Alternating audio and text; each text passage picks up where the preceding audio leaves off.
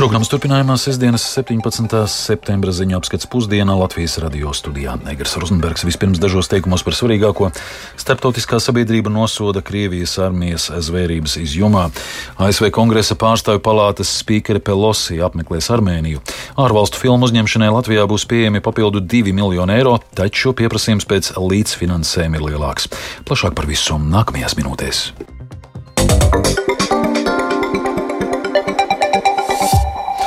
Startautiskā sabiedrība nosoda Krievijas armijas zvērības, ko tā pastrādājusi Izjumas pilsētā Ukrainas ziemeļaustrumos. Ukrainas prezidents Volodimirs Zelenskis kārtējo reizi aicinājis pasauli atzīt Krieviju par terorismu atbalstītāju. Tikmēr Ukrainas bruņoties spēki atbrīvojuši vēl vienu pilsētu Harkivas apgabalā. Vairāk stāsta Uldis Česberis. Pasaule kārtējo reizi ir šokā par Krievijas karavīru noziegumiem, kurus tie ir pastrādājuši iepriekš okupētajās Ukrainas teritorijās. Pirms vairākiem mēnešiem Kīvas piepilsētā Bučā tika atrasti masu kapi ar okupantu noslaktētiem ukraiņu civiliedzīvotājiem, bet šonadēļ pasaule uzzināja arī par izjumas pilsētu Harkivas apgabalā. Medijus ir aplidojuši video un fotoattēli, kuros redzamas ekshumētas cilvēku mirstīgās atliekas, kuras bija apraktas masu kapos mežā netālu no izjumas. Ukrainas prezidents prezidents Volodimirs Zelenskis paziņojis, ka varas iestādes izmeklēs vairāk nekā 450 nogalināto nāves apstākļus, bet jau sākotnējā apskate liecinot par cilvēku spīdzināšanu. Turklāt esot pierādījumi, ka Krievu karavīri, kuru pozīcijas atradās netālu no masu apbedījumiem, izklaides pēc šāva uz cilvēkiem. Світ повинен на все це відреагувати. Росія повторила в Ізюмі те, що зробила в Бучі. Pasaulē ir jārēģē uz to visu. Krievija izjumā atkārtoja to, ko tā darīja Bučā. Un mēs tikai sākam uzzināt visu patiesību par to, kas okupācijas laikā notika Harkivas reģionā. Labi, ka ANO gatavo izmeklētāju grupu, kas apmeklēs masu apbedījumus pie izjumas, lai pēc tam varētu visiem pastāstīt, ko izdarīja Krievijas teroristi. Mēs nodrošināsim žurnālu speciālistiem pilnīgu pieju atbrīvotajai teritorijai un visām vietām, kur ir notikusi izrēķināšanās ar cilvēkiem. Mēs to darīsim, lai pateiktu pasaulē, ka rašisms ir jānosoda. Es pateicos visiem mūsu partneriem, visiem līderiem un vienkāršiem cilvēkiem, kuri mums palīdz cīnīties par taisnību. Cīnīties, lai Krievija oficiāli tiktu pasludināta par terorismu atbalstošu valsti, par sankciju pastiprināšanu pret Krieviju par tās terorismu. Sankciju pret Krieviju za цей терор. Francijas prezidents Emmanuels Makrons paziņojis, ka viņš visstingrākajā veidā nosoda svērības, kas izjumā ir pastrādātas Krievijas okupācijas laikā. Viņš piebilda, ka vainīgajiem būs jāatbild par saviem noziegumiem. Eiropas Savienības ārlietu vadītājs Žuzefs Borels esot dziļi šokēts par izjumā atklātajiem masu kapiem. Krievijas valdība un visi iesaistītie tiks saukti pie atbildības. Eiropas Savienība darīs visu, lai tas notiktu, teikts Borela paziņojumā. Savukārt ASV valsts sekretārs Antonijs Blinkens paziņojis, ka šausminošajiem atklājumiem par masu apbedījumiem izjumā vajadzētu stimulēt starptautisko sabiedrību pastiprināt atbalstu drosmīgajiem ukraiņiem, kuri vēlas atbrīvot savu dzimteni. Blinkens piebilda, ka ASV atbalstīs Ukrainas centienus saukt pie atbildības vainīgos. ASV militārā domnīca kara izpētes institūts vēsta, ka Ukrainas karaspēks ir pilnībā ieņēmis Kupjanskas pilsētu Harkivas apgabalā netālu no robežas ar Luhanskas apgabalu. Domnīcas eksperti norāda, ka Krievijas spēki ir pārāk novājināti, lai spētu pretoties Ukrainas armijas tālākai virzībai uz Luhanskas apgabalu, kura noturēšana savā kontrolē ir ļoti būtiska Krievijai.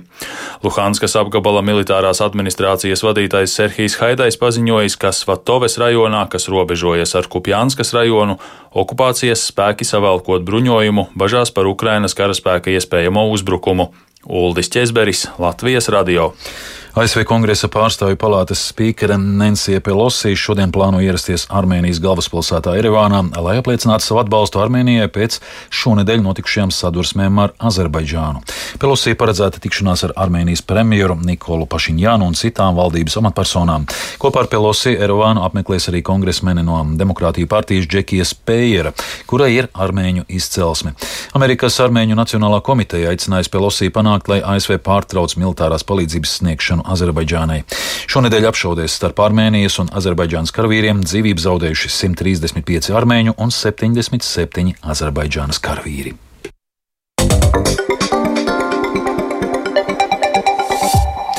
Valdība konceptuāli atbalstījusi papildu 2 miljonu eiro piešķiršanu ārvalstu filmu uzņemšanai Latvijai, tādējādi veicinot investīcijas valstī un Latvijas atpazīstamību kino industrijā. Interese par līdzfinansējumu esot liela, taču nauda pietiek tikai pāris projektiem. Plašāk stāsta Linda Spundiņa.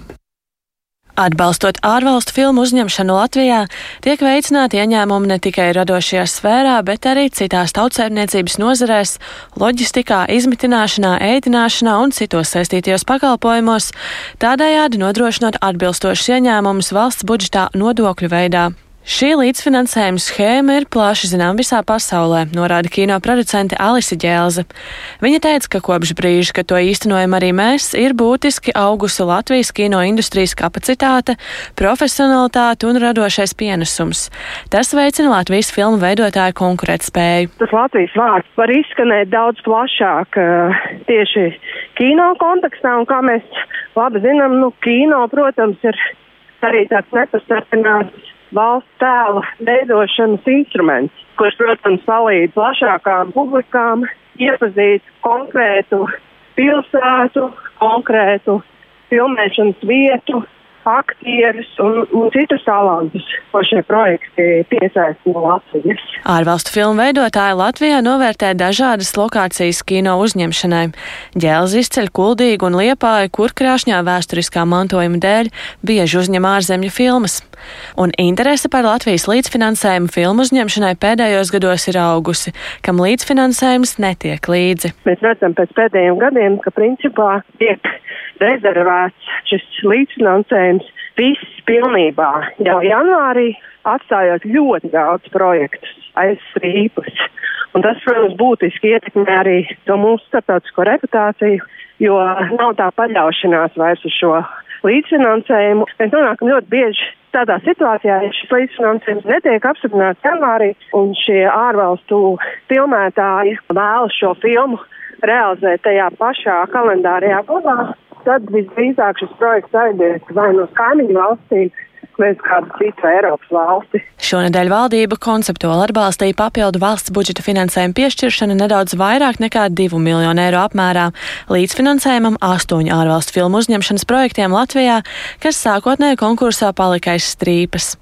Konkursu pirmajā atlases kārtā valsts līdzfinansējumu saņēma vieni divi projekti.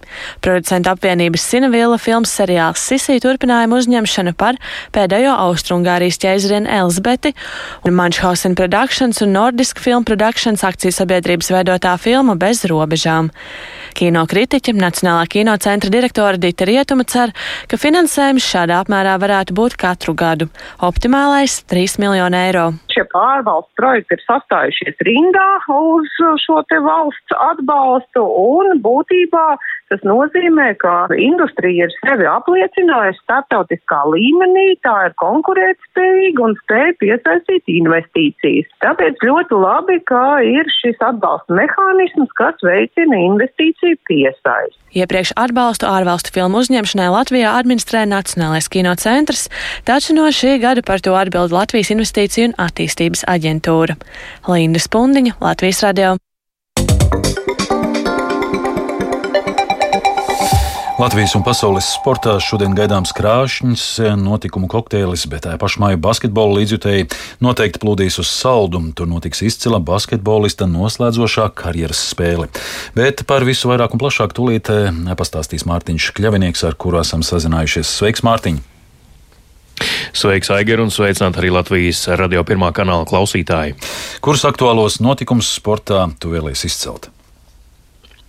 Jā, nu es eh, laikam tomēr sākšu vēl ar vakardienu, jo ļoti, ļoti spilgts notikums eh, vakar norisinājās Jūrmalā, vienā no viesnīcām. Tur notika Latvijas tenisa eh, savienības ārkārtas kongress, kura galvenais uzdevums bija ievēlēt jaunu federācijas prezidentu, un par to kļuva pašmāju labākais un visu laiku izcilākais tenisists Ernests Gulbis. Viņš tātad prezidenta amatā nomainīja Juris Savicki, kurš tur pabija 24 gadus. Uz prezidenta amatu kandidēja arī arhitekts arhitekts un uzņēmējs Mārcis Apsītis, kurš darbosies Savienības valdē. Savickis arī vēl saglabāja amatu organizācijas valdē. Sarunā ar žurnālistiem viņš skaidroja, ka kopsapulcē vēl neatstāja valdi, lai neietekmētu kopsapulces dienas kārtību. Savickis vēl nav uzrakstījis iesniegumu par izstāšanos no valdes, kas viņam būs jāizdara līdz 1. oktobrim, kā to paredz sporta likums. Atsaucoties uz mm, savu 24 gadu prezidentūru, Savickis kā savu darba lielākos augļus izcēla klubu sistēmu izveidi, kā arī tenisa sabiedrības interešu pārstāvēšanu finansējumu piesaistē no valsts un arī privātā sektora. Šīs bija tenisa savienības ārkārtas kongress, to uzsver vēlreiz, bet kārtējais plānots jau novembrī. Un par darāmo līdz nākamajam kongresam stāsta jaunais Latvijas tenisa savienības vadītājs Ernests Gulbis. Man, principā, komanda, nu, ja teiksim tā, no uh, 11 cilvēkiem, man puse nedaudz vairāk ir jau sarunāta. Tāpat kā apsīšu kungs uh, savā uzrunā teica, man liekas, svarīgi atstāt pāris vietas brīvas, lai vienkārši saprastu šajos divos mēnešos, kur vēl cilvēki varētu būt liederīgi savienības darbam. Atklāt es pagaidām negribu. Drīzumā tagad vienkārši nokomplektēšu visu ar visiem parunāšu. Un, un tagad primārais bija piedalīties kongresā, uzvarēt vēlēšanas, jā, un teiksim, nākamie soļi būs jau prezentēt visu biedriem, un tagad jau īstenībā darbs tikai sākās. Man liekas, jūs paši pamanījāt, ka tenisa sabiedrība ir ļoti inteliģenta un pašpietiekama un samērā neatkarīga. Tāpēc šeit bija, man liekas, ka katrs balsoja tiešām pēc saviem uzskatiem, nevis dēļ kaut kādām tur uh, mistiskām citām lietām. Tālūk, jaunais Latvijas tenisa savienības prezidents Ernests Gulbis, kurš gan līdz šī gada beigām vismaz vēlas palikt arī profesionāli tenisists statusā, un par tenisu arī tad eh, ieskatoties šodienas notikumos turpināšu. Latvijas vīru tenisa izlasi šodien Jūrmalā noslēgs Dēvisa Kausa pasaules otrās grupas dueli pret Dominikānas republiku, nu un pēc vakar aizdītajām divām vienspēlēm rezultāts ir 2-0 Latvijas izlases labā, un vēl viens panākums ļaus uzvarēt visā duelī. Divos dienā paredzēts dubultspēļu mačs, kurā pieteikumā ir izlases pirmais numurs un federācijas prezidents Ernests Gulbis kopā ar Miķeli Lībieti. Nepieciešamības gadījumā vienspēlē pusčetros Roberts Štrombaks cīnīsies pret Niku Hārdu. Bet eh, saldū šodien eh, notiks Latvijas vīru basketbola izlases bijušā kapteiņa Jāņa Blūma karjeras noslēdzošā spēle, un tajā tiksies saldus komanda un Blūma vienība, kuras sastāvā būs vairāki atpazīstami bijušie basketbolisti, un mačs sāksies sešos vakarā saldus sporta centrā tieši redzē tālrādes kanālā TV4. Blūma komandas sastāvā būs Andris Biedriņš, Kaspars Kambala, Lietuvietis Renalds Seibutis, Horvāts Marko Baničs, Kristaps Valters, Armāns Šķēle, Žanis Pēners un citi labi zināmi bijušie basketbolisti. Savukārt Latvijas futbola virslīgas 29. kārtas turpinājumā šodien notiks divi mači, no kuriem vienā eh, laukumā dosies arī turnīra līdervienība Valmiera, bet vispirms divos dienā meta uzņems Tukums 2000 Telmas vienību vienību. Dienas otrajā cīņā Slokas stadionā Jūrmalas Spartaks četros dienās spēlēs mm, pret eh, Valmieru. Savukārt kārtas noslēgumā rīt Auda tiksies ar Salaspils Supernovu, bet RFS viesosies pie Daugaupils tie, tiesa tikai tehniski, jo spēlēs savā Valdlauču stadionā kārtas ievadā. Riga mājās ar 2-0 vakar pārspēja Liepāju. Nu un vēl kāda nozīmīga ziemas sporta vēsts izskaņā 2027. gada pasaules čempionāts biatlonā norisināsies Otepē, Igaunijā. Tā vakar nolēma Startautiskās Biatlona Savienības kongresā. Šogad martā Otepē trasē pirmo reizi vēsturē norisinājās um, kāds no pasaules kausa posmiem, un sacensības apmeklēja daudz līdzjutēju no Latvijas. Visticamāk, ka tā tas būs arī 2027.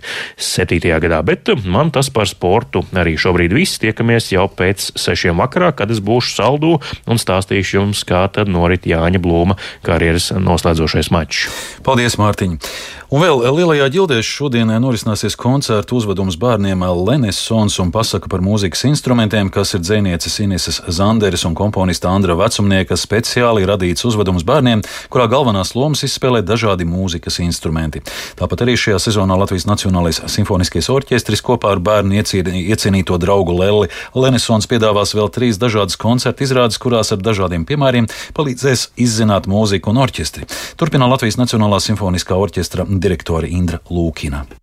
29. oktobrī būs Pēter Čekausku baleta mūzika baletam Amburtā princese. Savukārt nākamajā 23. gadā, 21. janvārī būs Renesons un Vēbera pasaku pasaule, un 4. martā būs Renesons un Mendelsona ceļojums. Tātad Mendelsona mūzika pamatā un ap to tiek veidot šis iestudējums, lai bērniem saistošā veidā parādītu un iepazīstinātu ar to, ko dara orķestrs un kāda ir šī skaistā orķestra izpildītā mūzika. Dzirdējāt 17. septembra ziņu apskatu pusdienā producents Viktors Pupiks par skanējumu rūpējās Katrīna Bramberga un Renārs Šteimanis studijā Egers Rozenbergs. Vēlreiz par svarīgāko. Startautiskā sabiedrība nosoda Krievijas armijas zvērības izjumā. ASV kongresa pārstāvju palātas spīkere Pelosi apmeklēs Armēniju.